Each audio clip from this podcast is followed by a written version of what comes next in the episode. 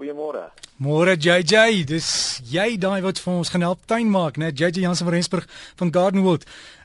JJ, die weer is besig om te verander, né? Ek dink die somer is op pad. Ja, nee, definitief. Weet jy, dit is vir my so lekker as jy sien vroeg in die oggende is die lig al klaar, die son al klaar weer vroeër op.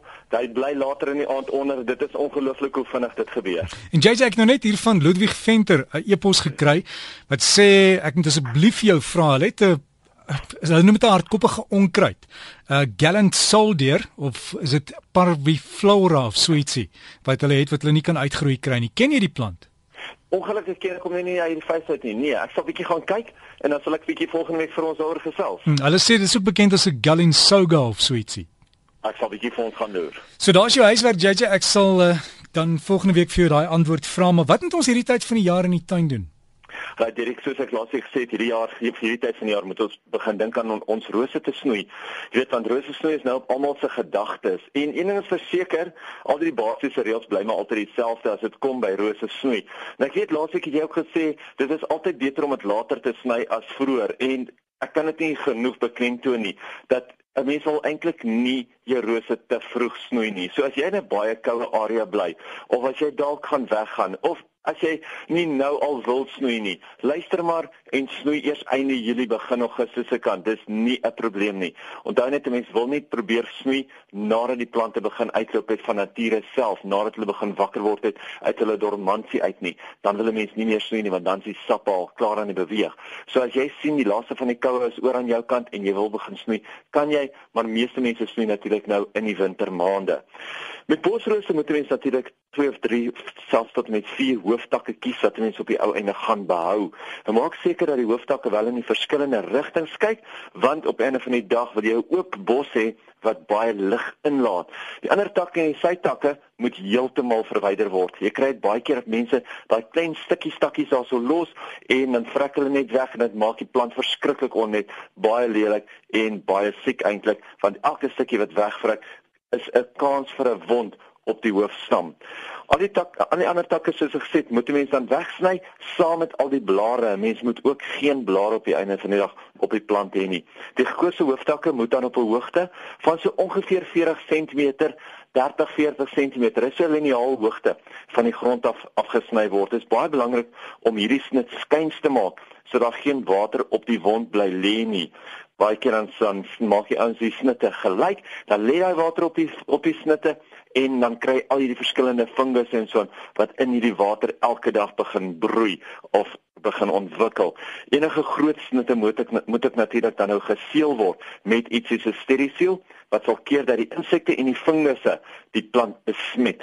Rankrose word op presies dieselfde manier gesny, maar hier moet jy meer hooftakke los en onthou die hooftakke moet ook baie langer wees. Jy sny hom nie af tot op 'n halwe meter van die grond af of 30 cm nie. Jy los hom lekker lank want jy wil hê hy moet verder ontwikkel.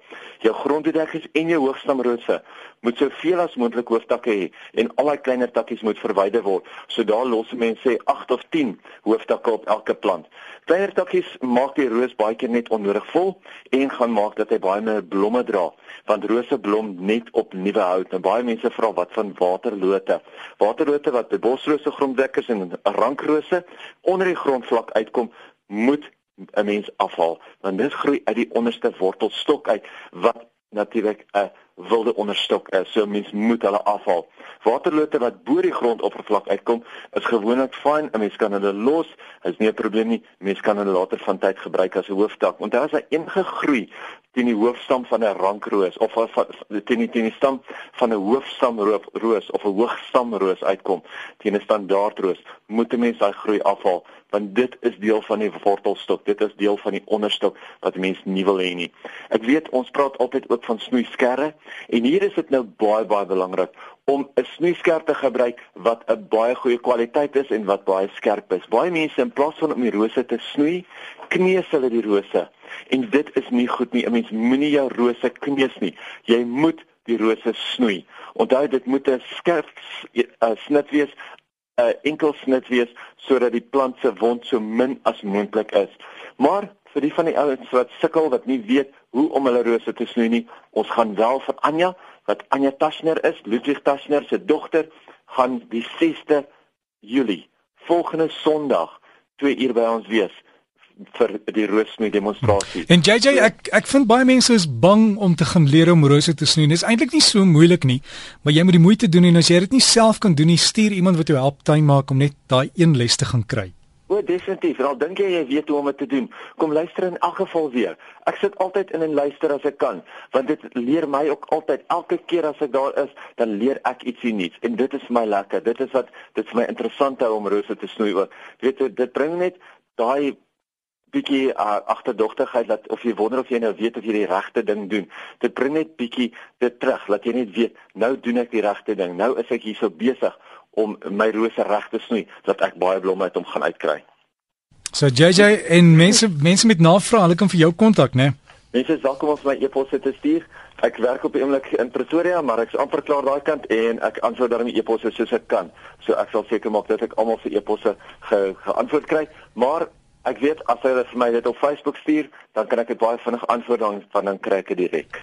So gesels JJ Jans van Rensburg, jy kan net Garden World gaan soek daar op Facebook, anders kan jy vir JJ e-pos, is JJ by gardenworld.co.za. Wat is julle webtuiste dan JJ? Ons webtuiste gardenworld.co.za. Dis www.gardenworld.co.za en natuurlik ons Facebook gaan soek nursery at uh, Garden World Nursery en dan gaan jy ons kry by Facebook. Anders kan jy net op ons webtuiste kyk of op, op ons hoofbladsy. Jy sal hom daar ook kry.